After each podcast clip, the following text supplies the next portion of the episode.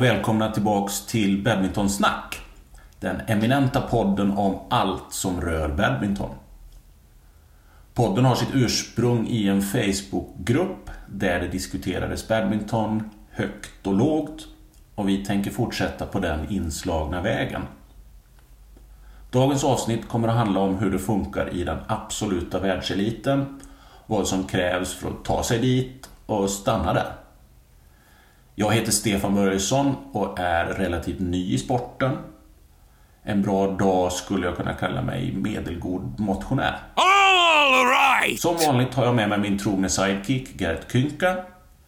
Gert har ju själv spelat mot och tränat med de allra bästa. Men idag har vi en gäst som tog sitt badmintonspel till ännu högre nivåer. Välkommen PG Jönsson. Tackar, tackar. Din meritlista måste väl höra till en av de mest imponerande inom svensk badminton. Ett antal medaljer på stora mästerskap, EM-guld, VM-brons och en rent av overklig samling SM-guld. Segrar i mängder av stora tävlingar, däribland Swiss Open, Chinese Taipei Open, både i herrdubbel och mixed. Världsetta i herrdubbel, tvåa i mixed om jag inte är felunderrättad och sen någonting som förvånade mig. Rankad 15 i världen i singel. Men vi, vi återkommer till det lite senare. Efter den inledningen lämnar jag över ordet till Gert som har betydligt mer erfarenhet av elitbadminton än jag. Hallå PG! Tjena! Kul att du är med oss idag. Och vi tänkte just prata med dig om din resa eh, samt vad du tycker krävs för att göra en sådan resa som, som du har gjort. Eh, du har ju haft en väldigt lång karriär och eh, du slutade när du var 38. Och vi tänkte just fråga att hur blev det badminton just för dig och, och vad är badminton för dig? Ja, var, varför det blev till att börja med så jag spelade, höll på att spela fotboll, jag gjorde massa idrotter och sådär. Så att, men i, i den klubben, just i Västra Frölunda på den tiden, så fanns det ett större engagemang och en annan vision eh, vad man ville med klubben än i de andra eh, idrottsföreningarna som jag var med i. Jag tror att det var det som lockade mig mycket. Det var en tränare som var visionär. Han tittade ut mot, redan då, på den tiden, ut mot All England och VM och, och allt sånt där. Jag tror, och hade ambitioner för hela gänget. Där. Jag tror att det mycket var det som lockade mig i alla fall. Seriöst och ville någonting på riktigt. Vad badminton betyder för mig, alltså egentligen så nu som det har blivit i alla fall så, så har det betytt otroligt mycket i mitt liv på alla sätt och vis, eh, får jag nog säga. Eh, det har ju skapat enormt mycket kontakter genom åren och det har, det har ju varit det som eh, blev huvudkallet i livet under en lång period i alla fall. Då. Ja, härligt. Och, och jag tänkte kolla, när du började spela, hur gick det för dig som eh, junior och, och hur duktig var du då? Om vi tar Sverige och Europa. Ja, i Sverige, i, i dubbel var vi bra. Jag spelade upp med en kille som hette Manfred Mellqvist på den tiden. Han var, han var nog bäst i Sverige, både som ungdom, på det på den tiden. Då var det ju då blir det U16 eh, och även som junior då, eller U19, eller U, ja, U16 U18 var det på den tiden. Då. Eh, själv, jag själv kanske var runt 6-7 i Sverige i singel och sen Manfred och jag vann ungdoms-SM i dubbel och junior-SM i dubbel också tillsammans. Men det var, mer, det var nog mer tack vare Manfred eh, just då i alla fall. Men jag var ju med hela tiden och hade, men eh, inte, inte absolut bäst var jag inte i den perioden i alla fall. Och det var min nästa fundering, att hur duktig junior eh, tror du man behöver vara för att komma hela vägen till en av de bästa seniorerna i världen? Finns det, kan man säga någon generell regel eller, eller vad tycker du om det? Eh, alltså man behöver vara med i alla fall. Man behöver ha skaffat sig en teknik och en förståelse. En viss eh, fysisk... Men ah, det är så olika i fysisk, fysisk utveckling där också när man kommer in i pubertet och grejer. Det påverkar ju såklart jättemycket. Då. Och, eh, det, man behöver ju vara med i alla fall. Vad det, vad det innebär att i Sverige nu för tiden. Det kanske är svårt att säga, men, men, eh, men, men du får inte vara för långt borta från eliten i alla fall, eh, högsta eliten. Det tror jag, det tror jag är någonting som krävs. Men, men vi hade ju någon kille, Thomas Johansson, som inte gjorde några speciellt eh, bra resultat som, som junior, men sen kom in och tog EM-silver och var ju, slog ju de bästa, flera av de bästa spelarna i världen. Så det finns ju alltid undantagen som bekräftar regeln. Han var också två meter lång, så han behövde nog växa in i sin kropp ännu mer än, än oss andra. Ja. Framgång föder ju framgång, sägs det. Vem eller vilka svenska spelare inspirerade dig att satsa så pass hårt som du gjorde? Ja, får nog säga Dels så hade vi det lite runt omkring mig så här att eh, det fanns ju eh, i Göteborgs badmintonklubb då så fanns det Claes Nordin och Anette Börjesson. De var ju landslagsspelare. Jag såg inte så hemskt mycket av just dem i träning och sånt där, men de var ju, de var ju duktiga. Eh, jag ska inte säga att det var de som inspirerade mig riktigt, utan jag tror att eh, det som jag tittade en del på, i tidig, väldigt tidiga år var det Sture Jonsson och eh, sen senare när jag i äldre junioråldern då blev det Kihlström, Thomas Kihlström lite av min mentor. Han hjälpte mig mycket. Det var mycket kloka saker jag fick av honom som jag hade med mig. Han var ju i slutet av sin karriär sen när jag kom med i landslaget där också, så han fortsatte att hjälpa mig där och det var väldigt värdefullt. Det var sån här eh, eh, ögonöppnare som man fick av honom som man, aha, är det så det funkar? Och, ah, okay. och, jag vet att han sa en grej till exempel om Sture. Sture Jonsson var ju, han vann ju EM-guld två gånger och var i semifinal och England ett, var ett, ett flertal gånger om inte jag missminner mig. Och han, han sa så här, Sture, Sture gav aldrig bort en poäng på träning någonsin. Ja, det var alltid sjukt jobbigt att möta honom, men träningarna blev fantastiskt bra sen. Då tänkte jag direkt så här, liksom, det där lät bra. Och sen tänkte jag, jag ska aldrig någonsin ge bort en poäng i onödan. Och de andra tyckte att jag i Frölunda tyckte jag var skitjobbig, för om de var trötta eller något sånt där någon gång så då fick de ordentligt med stryk. Ja. Men det, det, höjde också nivån. Alla blev sådana till slut. Man gavs inte bort någonting utan alla stred om varje poäng. Och det blev ju väldigt tävlingsriktat såklart och det var det under den perioden. Men eh, det skapade en bra miljö.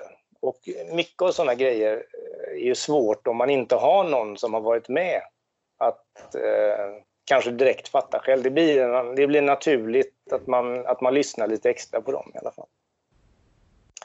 Och sen var det ju många bra i den perioden där eh, det var ju Kihlström spelade med Stefan Karlsson som numera heter Melgo, de var jättebra. Det var ju, vi hade bra juniorspelare hela vägen. Vi hade, så det fanns ju längs hela min väg fanns det många att se upp till. Där.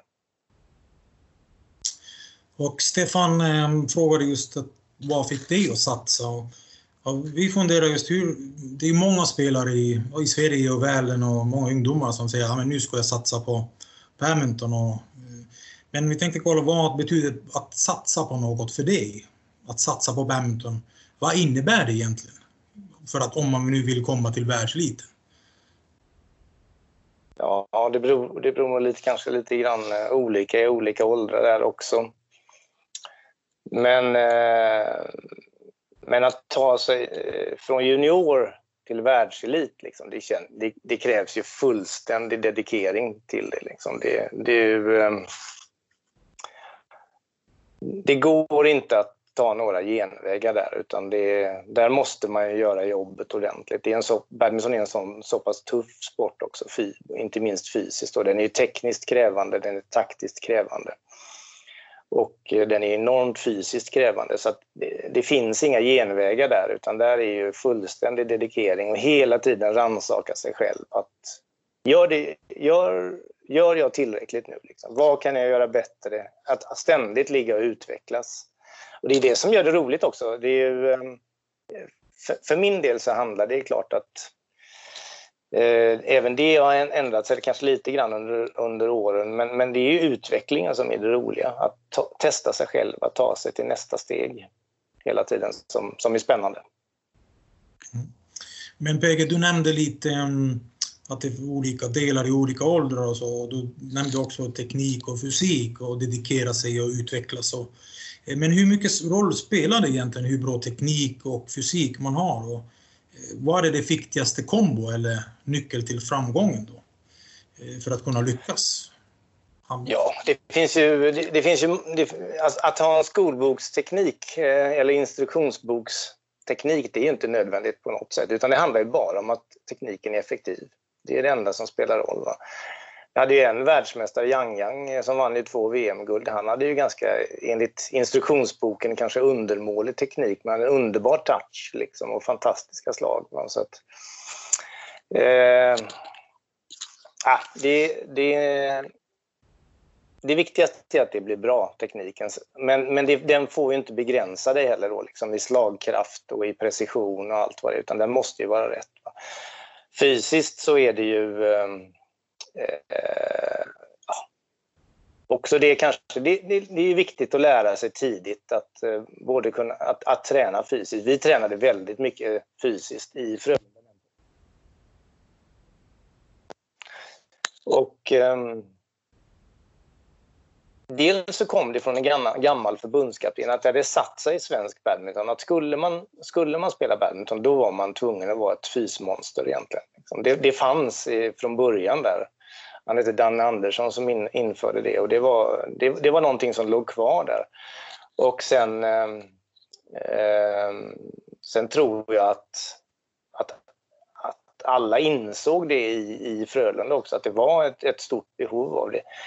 Eh, vi tränade ju både, både styrka och, och kondition mycket i tidiga åldrar. Ska jag säga. Och det lärde man sig någonting av. Det är inte alltid att man får nytta av allting direkt, men någonstans så lär, du dig, lär sig kroppen hur man ska göra och allting. Och sen, sen i resten av min karriär där, när, när jag blev professionell, så låg vi någonstans, vi tränade 25-30 timmar i veckan. Ehm, vi reste ju 200 dagar om året, men vi, vi de, när, när, vi tränade så tränade vi 25-30 timmar i veckan ungefär. Och det var ju, det var ju nästan 40 procent var fys ungefär, skulle jag säga. Mm. Men PG, du nämnde en Eh, intressant eh, sak när du blev professionell spelare. Eh, jag tänkte fråga, vad, vad betyder det för dig? Vad innebär att vara en professionell spelare? Oftast det kanske knippas med att eh, man till exempel får en sponsor eller, eller man kanske får lite betalt. Men, men vad betyder det för dig att vara en professionell badmintonspelare? Ja, att man gör det man har förutsatt sig att göra. Och det, alltså, jag brukar säga till unga spelare så här, vad, eh, tre frågor. Vad vill du? Varför vill du det? Och hur ska du göra? Och när man har svarat på de där frågorna, på den sista frågan, hur ska du göra? då, då, då måste man ju tro på det som man, det som man säger där. Och sen måste det genomföras, helst till 110 procent. Det får inte vara till 99 procent för då ligger det alltid med ryggsäcken någonstans när det kommer i avgörande lägen. Utan du måste genomföra det du har förutsatt att göra. Sen, sen kommer det alltid andra grejer, man kan bli skadad eller någonting sånt där. Men det, det, det är en annan sak. Men i, eh, i det man vill göra och utföra så måste man göra det. Det skulle jag vilja säga innebär en, en professionell... Sen en attityd... Eh, det blir, det blir ett väldigt vitt begrepp. Liksom. Det handlar om hur man är på banan, hur man vågar utvecklas både fysiskt och mentalt och, och, och eh, på, på, tekniskt och badmintonstrategiskt och allt möjligt och sånt där. Liksom. Så alla de här, det är, väldigt, det är någonting man jobbar med hela tiden. Men, men, men i grund och botten så får man hela tiden göra nya sätta nya mål eller nya grejer. Vad är det nu jag ska Vad är det nu jag behöver göra? Utvärdera situationen, vad, det, vad krävs det och sen genomföra det hela tiden. Mm. Men det aldrig, sluta, ja, förlåt. aldrig sluta tro heller. Va? Det är många som inte tror att det går, eh, men det går. Mm. Eh, men det pratas även mycket om att hitta talanger och eh, det finns olika typer av talanger. Men vad tycker du, vad är talang just för dig och Eh, hur borde man se på det i badmintonvärlden? Ja, en klart underskattad talang i alla fall, många gånger. Ni vet jag att man pratar om det, men, men det är ju det är en eh, träningstalangen. Att man orkar hålla i och träna mycket. Och att man har, har drivkraften för att göra det. För att du kan ha vilken bra, vilken, hur bra teknisk talang som helst eller vilka fysiska förutsättningar som helst. Men gör du inte, orkar du inte träna så kommer det aldrig gå. Utan det måste göras. Mm. Och det är det som sagt, det är det som är kul också. Så att det kan ju låta lite så här att ja, det är jobbigt och man, du måste bara in i skiten. Liksom. Men det, så är det inte, utan det är det som blir kul. Va? Och det är det som stärker en också när man genomför de sakerna man vet att man... Om man alltid glider undan, då stärker det inte en. Om man genomför det man har föresatt sig att göra, då stärker det en otroligt. På fler, både fysiskt och mentalt. Och... Mm. Mm-hmm. Men PG, hur blev det för dig när du, när du slog dig igenom till världseliten? Alltså det är ju, man går ju kanske inte från eh, 150 plats till världsetta direkt. Det är ju ett stegvis klättring eh, man gör. Och, och, vad är det svåraste med att slå igenom? Eh, och vad behöver man tänka på om man vill göra det? Liksom? Vad var nyckelljus för dig? Hur, hur klättrade du upp till din, dina bästa placeringar på världsrankingen? Och började vinna mot de bästa? Ja, alltså den, den svåraste perioden eh, är nästan över, är övergången mellan junior och senior där.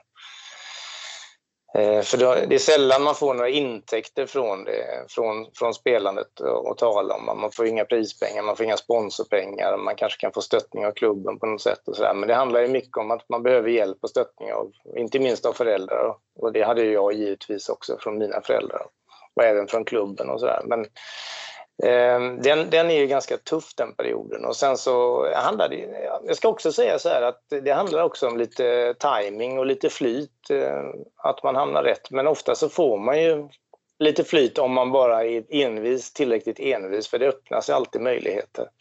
Men ehm, eh, uthålligheten är ju det absolut viktigaste kan man säga. Och det, det, det tog ju en period därifrån det att jag lämnade junioråldern till att vi slog igenom. Jag kom ju med i landslaget. Första landskamperna jag gjorde i alla fall, jag var ju uttagen i truppen kanske innan, men första landskamperna vi gjorde var ju 85 då. Och det var ju, då var jag ju 21 i alla fall där på, eller 84 var det förresten, 21 då. 2021 var jag någonstans där. Mm. Så, och sen efter det så, ja, eh, så blev det så här, jag hittade rätt partner, vi bytte partner och det var lite såna här grejer som hände. Och sen så... Sen, sen eh, gäller det att den, om man, framförallt om man spelar dubbel, men, men så blir det ju även om man... Även, den, den gruppen man är i måste också vilja samma sak. Alltså. Framförallt om man spelar dubbel måste den personen vilja samma sak. Det blir också oerhört viktigt.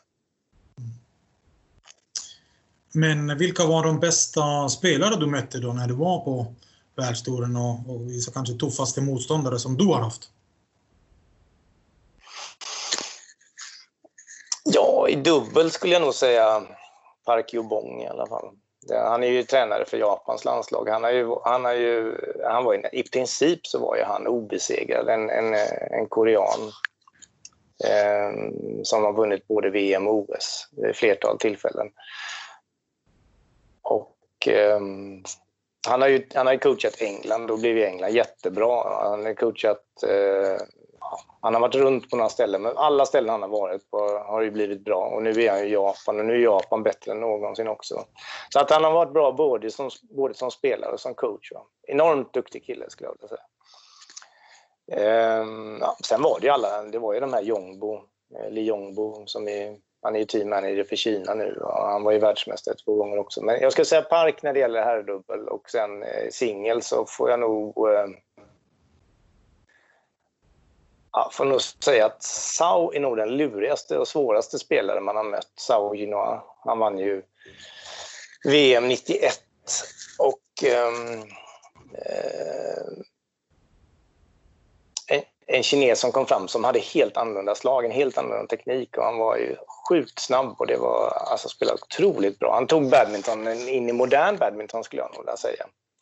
Från att det tidigare var eh, Mårten Frost och Isak så här, det var så här långbollsdueller. Det var inte, här var offensiv i alla lägen och otroligt snabb och, och, och svårspelad. Det gick inte att se var han skulle slå bollen nästan, alltså man låg alltid ett steg efter. Sen var det kanske Mårten Frost också, det var tuff att möta för han var extremt säker, han missade inte en boll. Så att det var ju, det, absolut. Jag har mött, jag har mött Paul-Erik Höje Larsen också. Och, eh, men jag ska säga, det var, det var en annan del av karriären där. Så att de tuffaste på den tiden i alla fall i singeln var nog Mårten och, och Sao. Spännande. Det Det låter som att du har spelat mot många eh, världsspelare som är ganska historiska i Badmintonvärlden. Ja. jag, jag tänkte byta spår lite grann. Idag har vi ju ingen spelare i närheten av topp 20 i singel, varken på herr eller damsidan. Vi har några damdubbelpar som är på gång, men heller inte riktigt där uppe i absoluta världstoppen. Du var rankad 15 i singel och etta, tvåa i mixed och dubbel. Vad, vad, vad gjorde dig till en så pass komplett badmintonspelare?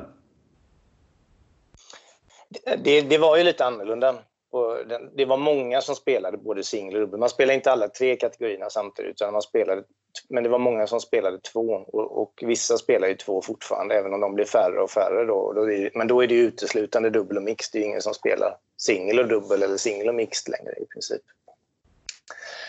Ja, jag tror att alla, alla började nog med, dub, med singel och dubbel. Eh, eller alla tre kategorierna. Det spelades alltid alla tre kategorierna i princip. Så att Sen mm. var det många som hängde i med dubbel och singel samtidigt. Det gjorde jag med ganska länge. Och det var också några tillfälligheter där som gjorde kanske jag, jag, eh, vi bytte partner. En, en, en period stod jag utan partner. Då satsade jag mer på singel i den vevan också.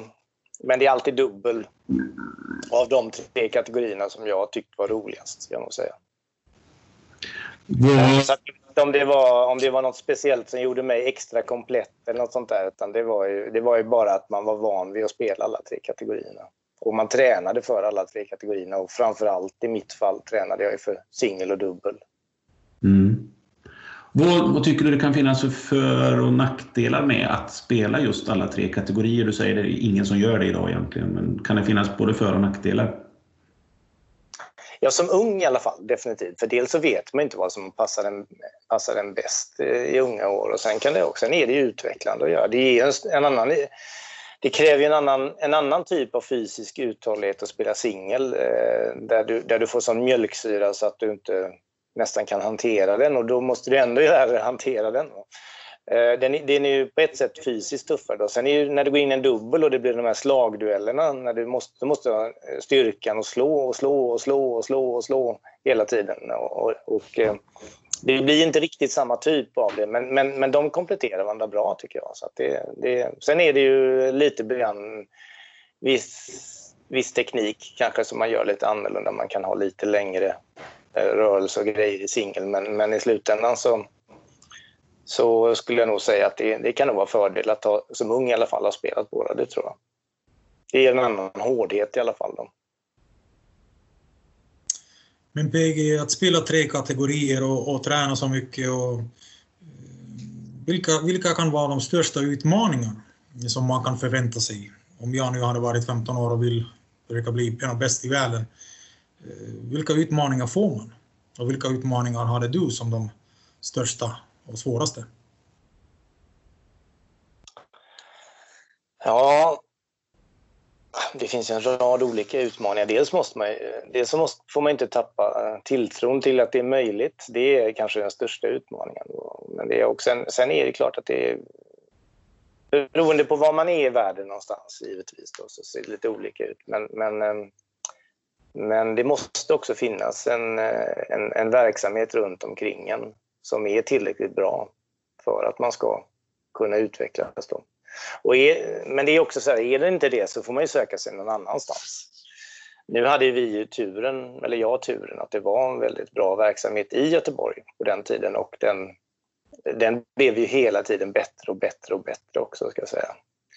Men, men det är klart att jag skulle säga att, eh, att det finns tillräckligt med engagemang runt omkring en, att man själv inte tappar tron på en och att det finns kompetens runt omkring en. Det är klart att de blir, de blir väldigt viktiga de faktorerna och eh, stora utmaningar.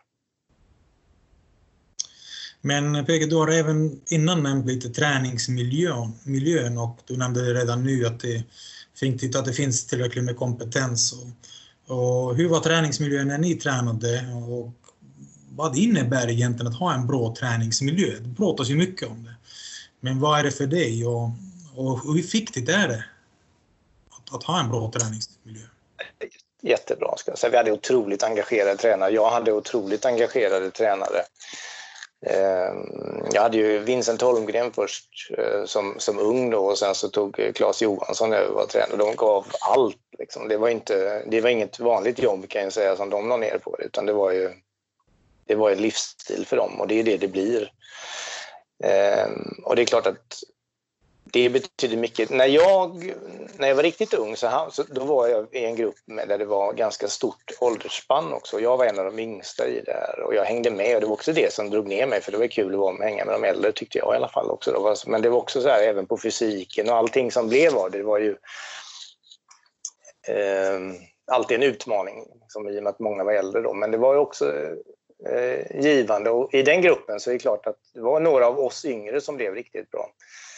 Men de äldre blev väl kanske inte de blev inte på den nivån som vi blev, de som var betydligt äldre i alla fall. Men vi fick ju fram en rad landslagsspelare i, i Frölunda och Göteborg under den tiden. Där.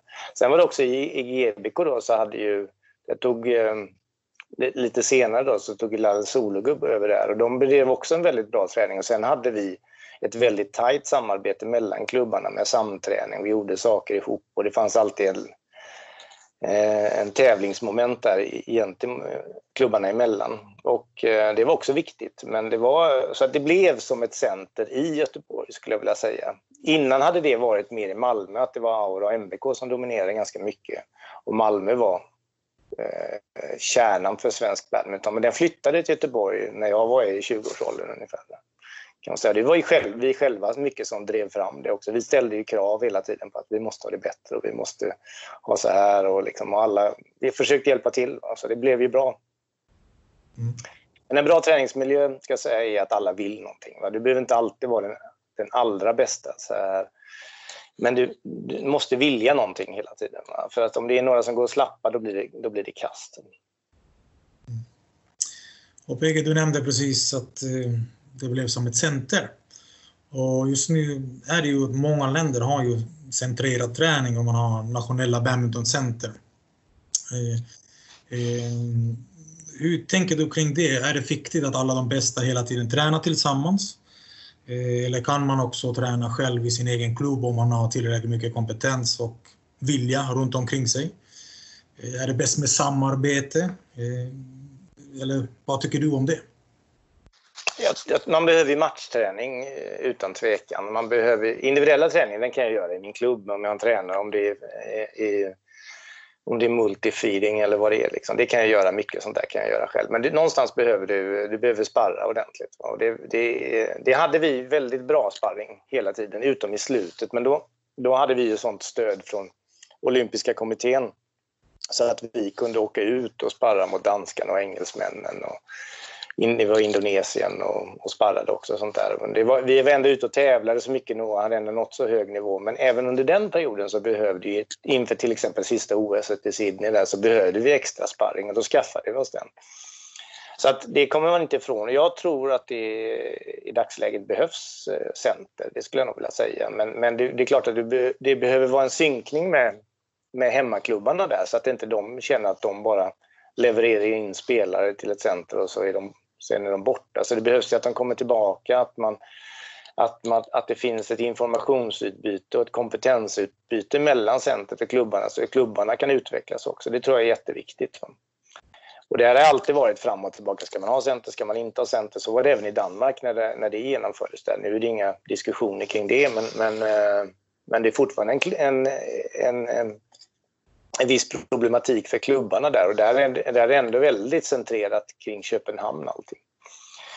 Men jag tror att det behövs, man behöver sparringen och man behöver den miljön för att, för att lyfta. Men, men det behövs också ett, ett, ett, ett eh, rejält utbyte mellan centret och, och klubbarna, inte minst när det gäller kompetens. Mm. Men du nämnde också att eh, de, ni fick stöd från Olympiska kommittén. Men hur mm. var det tiden när, när du spelade just med badmintonförbundet och hur stöttande var egentligen hela systemet just mot er? Ehm, och hur mycket stöd behöver man ha i, i badmintonvärlden för att systematiskt kunna bygga framtidens spelare?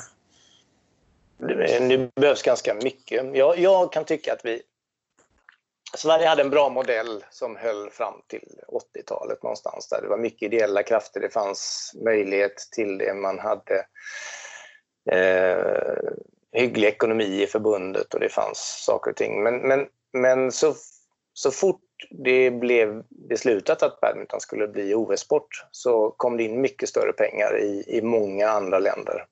Och, och flera andra länder som inte hade haft speciellt mycket resurser som Frankrike och Tyskland kanske. Och, eh, de, hade inga, de hade inte dåliga resurser men, men det 10 eller 20-dubblades deras budgetar för, för badminton förbunden. förbunden och det, det, är klart att det, det ger utslag på sikt. Då.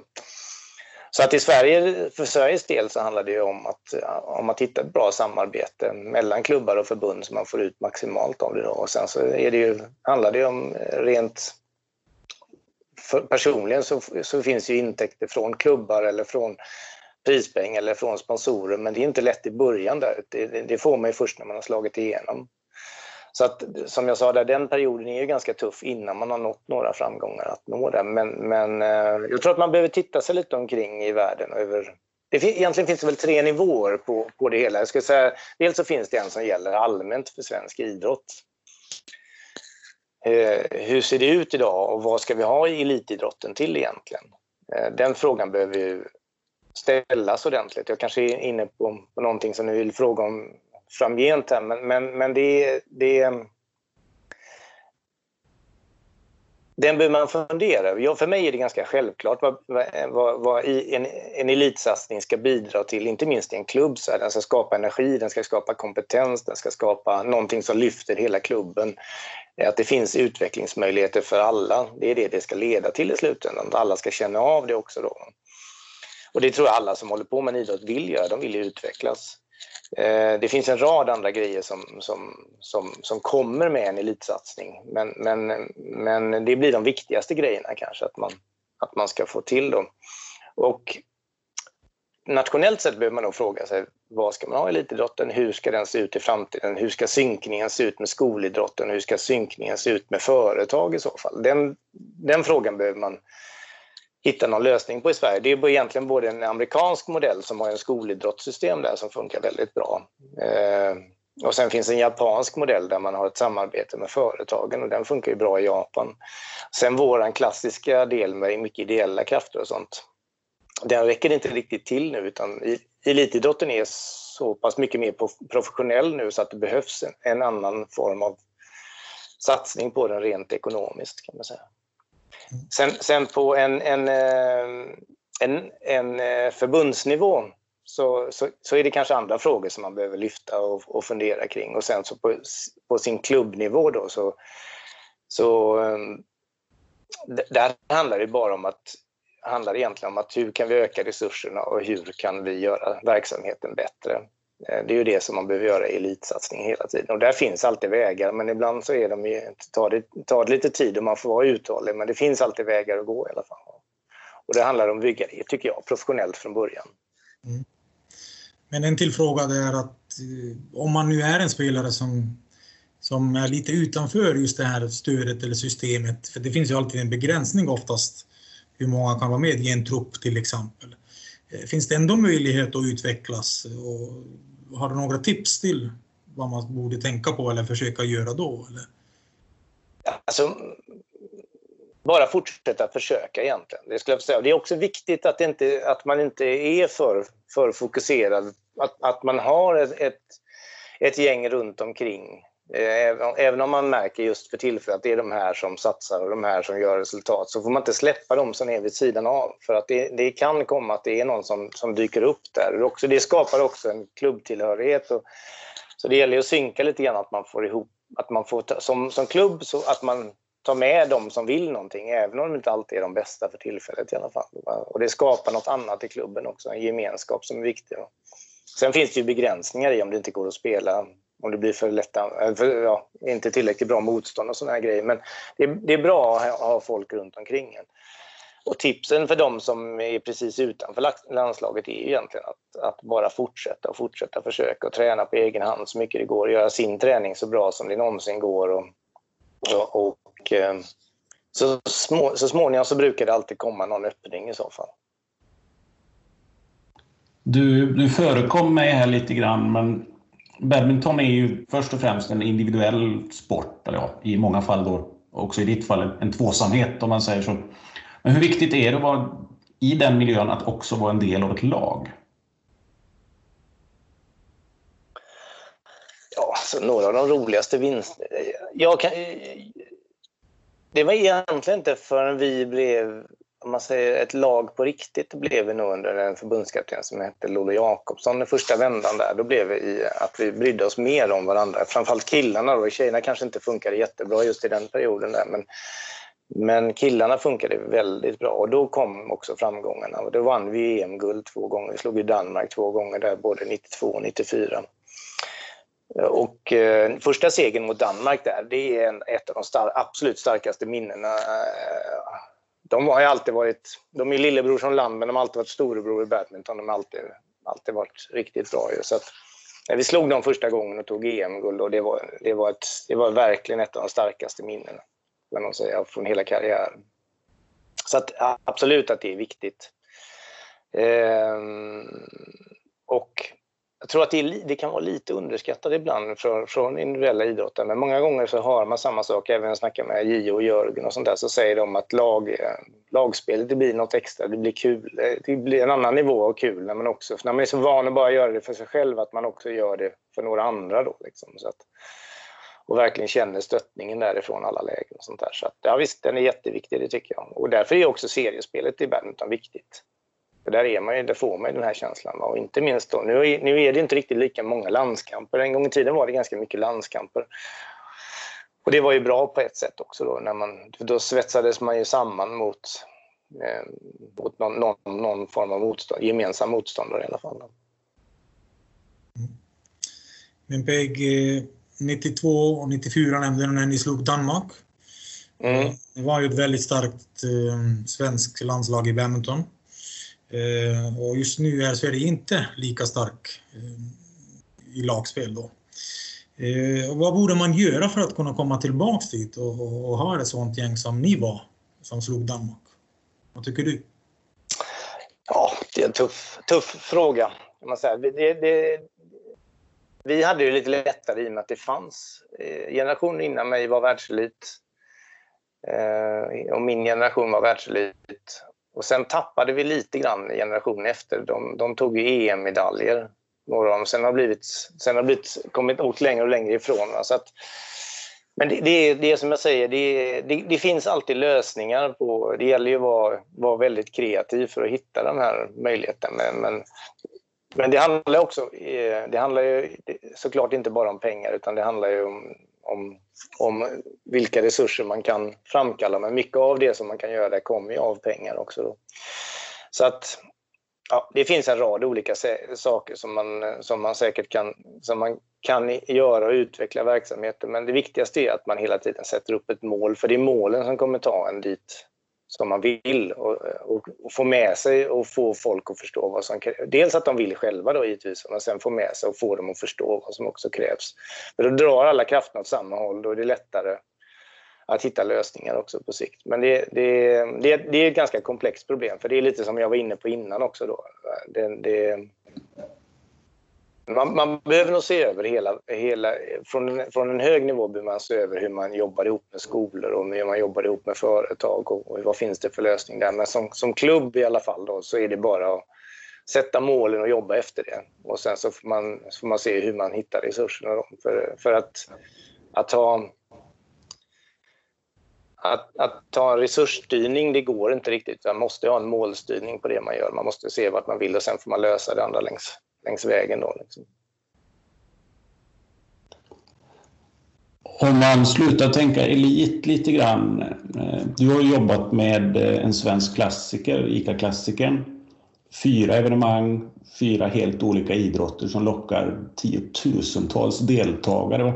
Vad är din erfarenhet av det? Vad är det som attraherar alla dessa människor att genomföra en svensk klassiker?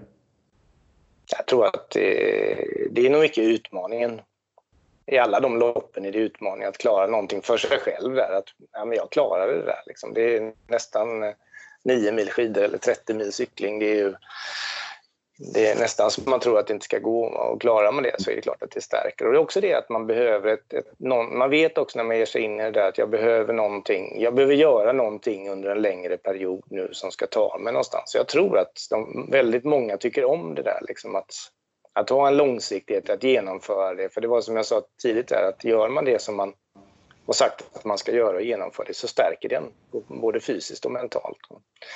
Så att jag tror att det är det som, det drar, det är ingen skillnad på eliten och motionären där, men jag tror att man behöver den här utvecklingen i alla fall och känna också att man, att man, att man åstadkommer någonting som man har förutsatt sig att göra.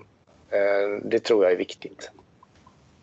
Mm. Inte för alla kanske, alla, några, det finns en del, en, givetvis en del motionärer som bara går ner och vill, vill, spela badminton till exempel och gör det, men, men jag tror att även de skulle tycka att det var kul med en utveckling. Men samtidigt kan det bara vara att de vill hålla, deras mål kan ju vara att hålla sig på en viss nivå motionsmässigt eller att de inte tappar, går upp i vikt eller någonting. Men, men någonstans så, så tror jag även att de skulle vara intresserade av en utveckling. Vi har ju försökt på, på många olika sätt Eh, inte minst genom Badminton of Hope i samarbete med Barncancerfonden här för några år sedan. Och du var inne på det lite grann. Tror du att badminton, som ja, enligt mig i alla fall är en fantastisk motionsform, skulle vi kunna skapa ett större motionsevenemang? Ja, det tror jag nog. Ja, absolut. Och det handlar, det handlar lite om, jag skulle säga, det är det som du är inne på där också, att det, är lite, det handlar om en, lite konceptualisering och lite paketering av det hela, så att det måste göras på ett bra sätt och där får man ju satsa lite resurser för att göra det. Men absolut, och badminton är ju en super, jag menar det är en tuff sport och det är ju på alla sätt och vis, men den är också väldigt enkel att komma igång med och ha kul med direkt. Det, är ju, det finns ju inte så många sporter, nu kanske padel är en sån sport också, men det är inte, tennis går ju inte till exempel att kliva in och ha kul direkt, där behöver du ju träna, du har en tränare i 40 lektioner innan du får bollen innanför banan. Men, eh, men badminton behövs ofta inte det, utan där kan du komma igång och ha kul direkt. Och det ska man ju utnyttja då. Och eh, det är absolut att jag tror att det borde gå att göra större motionsevenemang. Eh, jag menar, det är en gigantisk sport i världen. Det är ju världens största individuella idrott. Den är ju den är ju enorm. Så det är klart att man har ju lyckats på andra sidan jordklotet i alla fall. Så då finns det väl ingen anledning att det inte skulle gå här. Det tror jag inte. Vad, vad tror du om det här nya initiativet från Internationella Badmintonförbundet Air Badminton? Jag kan inte det. Ah, okay. Nej, då, jag är inte insatt i det. Jag, jag är väldigt lite i kontakt med badminton just nu, så jag har faktiskt okay. det har inga kommentarer. Jag får läsa på mig det. Eh, en fråga som vi ställer alla våra gäster. Eh, tycker du det är okej okay för en funktionär att ha foppatofflor? Nej. Nej, helst inte. Alltså, jag kan tycka att man vill, ju, man vill ju skapa ett sammanhang som känns som man kliver in i någon, någon någon form av miljö som lyfter den. Liksom. Så då skulle jag helst föredra att man eh, i det konceptet inte har foppatofflor kanske. Okej. Okay. Ja. det beror på vilken, vilken, vilken, typ av funktionär och vilket sammanhang kanske. Men om man, om man vill skapa någonting i ett koncept så ska man nog tänka över helheten. Mm. Bra PG, men en, tänkte en, en sista fråga till dig. Att, har du tre korta konkreta tips till ungdomar som vill komma till världseliten? Vad ska man ha med sig? Ja, alltså, jag ska säga egentligen är, det nog de tre frågorna som jag sa tidigare där eh, som man bör ställa till sig själv och då kan man ju gå lite mer på djupet i dem då. Eh, det är vad vill du? Varför vill du det? Och, och hur ska du göra? Vad vill du? Där gäller att, att sikta högt så högt man verkligen tror att man vågar och kan. Liksom. Och inte, inte tveka där, utan vad är drömmen?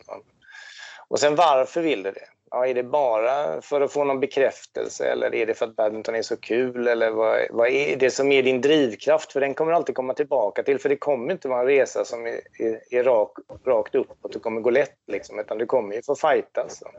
Och då behöver du ha lite koll på var din motivation egentligen kommer ifrån så du inte tappar den längs vägen. Och jag tror, jag tror egentligen att de flesta, som jag varit inne på flera gånger här, just det här med utveckling, att man känner att man utvecklas och att man förutsätter att göra någonting och man gör det och man, man tar sig någonstans. Det tror jag, det, det, det är någon, någon mänsklig egenskap som vi har, att vi tycker om det där på något sätt i alla fall. Så att den är viktig, men det är många som gör vars drivkraft är att, eh, att synas eller att få bekräftelse från andra hela tiden. Och den, den är ju tärande eh, och inte lika positiv som, som utvecklingsdrivkraften är. Och jag tror att det är en mix för de flesta av båda de där. Men eh, det, jag skulle tycka att det vore bra om det inte var för mycket bekräftelsebehov som, som är drivkraften, utan det är mer utvecklingsglädjen som är, som är drivkraften. Eh, men den frågan behöver man ju hantera lite grann, för många gånger är det många som vill prestera för sina kompisar eller för sina föräldrar eller för någon i alla fall. Då. Och eh, det kan vara tärande och jobbigt längs vägen. Så att den behöver man nog ställa sig den frågan. Och sen hur ska du göra? Och den frågan kommer ju, eller svaret på den frågan kommer ju förändras längs vägen hela tiden för att det, det blir olika. Eh, det var någon som sa, någon filosof som sa planera i guld, planer inget. Och så är det också, det händer ju hela tiden. Men att, att man hela tiden tänker så här, hur ska jag göra, vad behöver jag göra nu? Och sen så att man då eh, både inom alla de här områdena som badminton innebär då med fysik och teknik och mental träning och allt sånt. Så, och sen då när man väl har bestämt sig för det, att man lägger upp en plan och sen så genomför det till punkt och pricka. Och gärna mer än det som man nästan har sagt. Då. Det får inte vara mindre i alla fall. Och sen nya, nytt igen då, efter ett tag. Utvärdering givetvis. Jag säga, det, är väl, så det är väl egentligen de hela tiden som man behöver ha med sig. Vad vill jag? Vad vill jag? Varför vill jag det? Hur ska jag göra? Ja, stort tack PG för dina tips och Tack för att du har varit med oss idag och berättat om, om din resa och vilken fantastisk resa du har gjort. Eh, och eh, att spendera så mycket tid i världseliten och det vore ju kul om du kanske, nu är det så då att du inte är så mycket involverad i badminton just nu, men du kanske vill ja, bli lite involverad igen i framtiden, vi vet ju aldrig. Jag tror att det nej, behövs nej, alltid eh, människor och, och, det finns ju väldigt mycket kunskap i Sverige eh, från många som har varit högt uppe i världseliten och det är ju väldigt nyttigt att ta vara på det. Ja, ja absolut. Nej, det, tiden i Uppsala där tyckte jag var fantastiskt kul att jobba med badminton och jobba med det. Det var, ju, det var jättespännande och bra att få, att få jobba på ett sånt sätt också. Det, det var jätteroligt. Mm, men var sak har sin tid. annars, annars har jag en liten utmaning till dig. Det här måste inte nödvändigtvis höra till podden, men jag pratade med Jonas Herrgård i morse. Och han var lite besviken över att vi har valt att intervjua dig innan vi har valt att intervjua honom. För han hävdar att han aldrig har förlorat mot dig. Kan det verkligen vara så? Nej, jag kan tänka mig Jonas värld att det är så, men det stämmer inte. vi, tänkte, vi tänkte nästa gång blir det en, vi kör en livesändning så får ni, får ni göra upp en gång för alla på banan. Ja, aha, okej. Okay. Ja. ja, det, det kan jag haka på. ja, det är bra. Ja, det är bra. Ja, men grymt PG. Tack för att du har varit med oss idag. Och, um, um, det blev ju bra, tycker jag. Det blev ja, jättebra. Vi får, vi får se. Ja, men stort tack. Bra svar på Foppatoffelfrågan där tror jag. Det var nog det intelligentaste svaret vi har fått så här långt. Det var allt vi hade att bjuda på idag. Tack PG. Tack Gert. Missa nu inte nästa avsnitt av Badmintonsnack som kommer att bli en utrustningsspecial. Otroligt spännande. Tack för denna gång.